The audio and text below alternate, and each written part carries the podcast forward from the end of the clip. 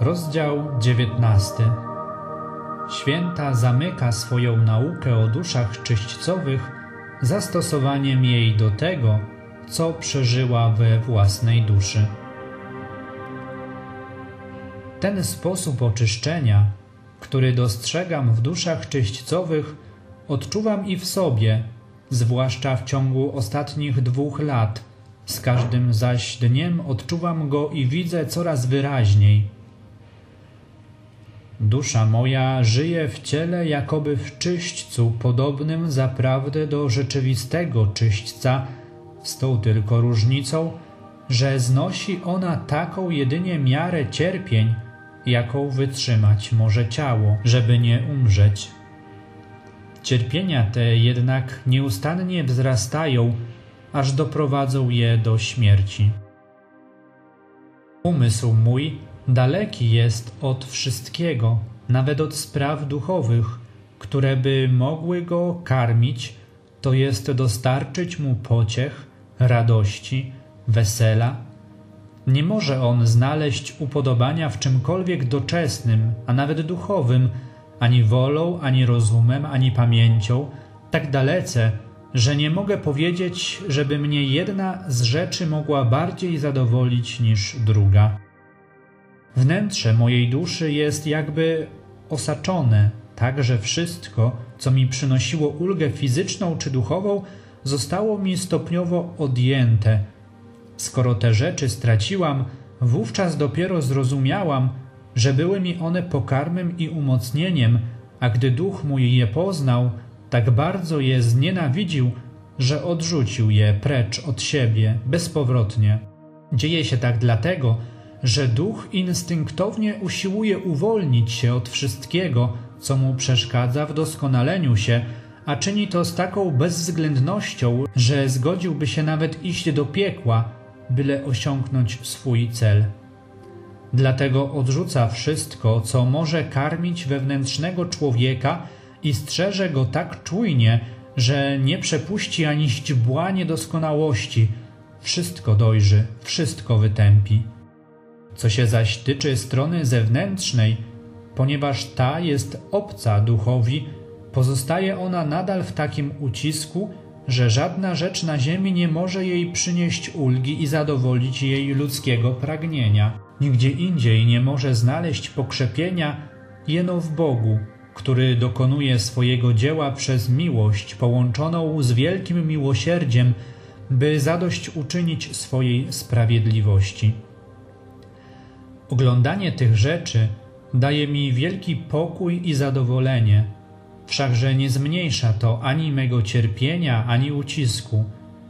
Nic nie mogłoby mi sprawić większej męczarni niż stanięcie w poprzek temu boskiemu rozporządzeniu.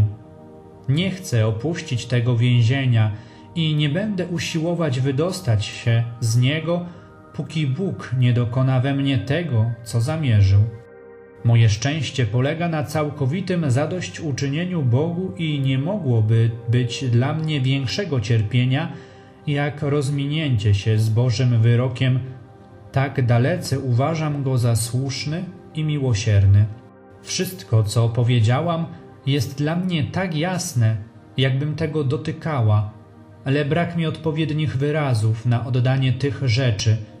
To, co o tych rzeczach tutaj powiedziałam, przeżyłam wewnętrznie i dlatego to opisałam. Owo więzienie, w którym jestem jakby zamknięta, to świat, więzi zaś ciało. Dusza oświecona łaską zrozumie, jak ważna jest owa przeszkoda, która wstrzymuje ją i opóźnia i nie dozwala jej osiągnąć ostatecznego celu. Im bardziej jest subtelna i wrażliwa, tym głębiej odczuwa boleść z tego powodu. Dusza otrzymuje z łaski Boga pewną godność, która ją do Niego upodabnia. Więcej nawet, czyni z niej jedno z Bogiem przez współudział w Bożej dobroci. Ponieważ zaś istota Boża nie podlega żadnemu cierpieniu, tak samo ma się rzecz z duszami, które się do Boga zbliżają, a im więcej się zbliżają do Niego, tym większy mają udział w jego własnościach. Wszelkie zatem opóźnienie w połączeniu duszy z Bogiem wywołuje męki nie do zniesienia. To cierpienie zaś i opóźnienie czynią ją odmienną od tego, czym była z natury, gdy wyszła niewinna z ręki Bożej i to w świetle łaski zostaje jej pokazane.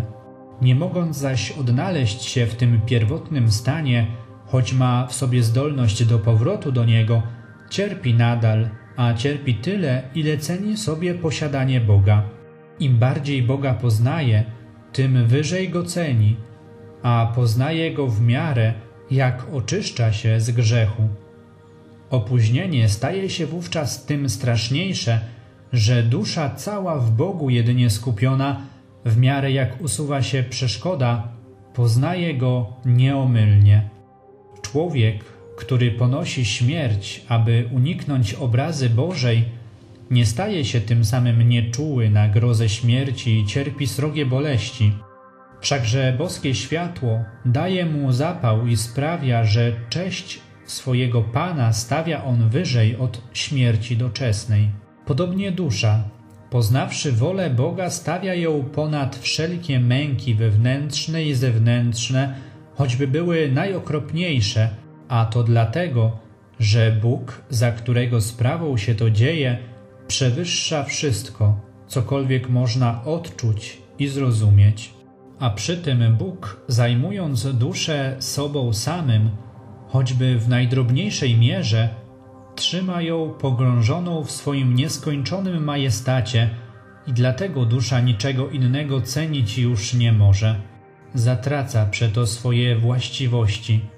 Nie może widzieć, poznawać, cierpieć, ani mówić o nich, o ile jej samej dotyczą.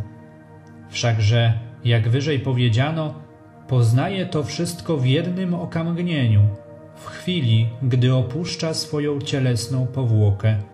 Wreszcie, na zakończenie, starajmy się zrozumieć, że Bóg wyniszcza w człowieku wszystko, co jest ludzkiego, a dzieło oczyszczenia dokonuje się w czyśćcu.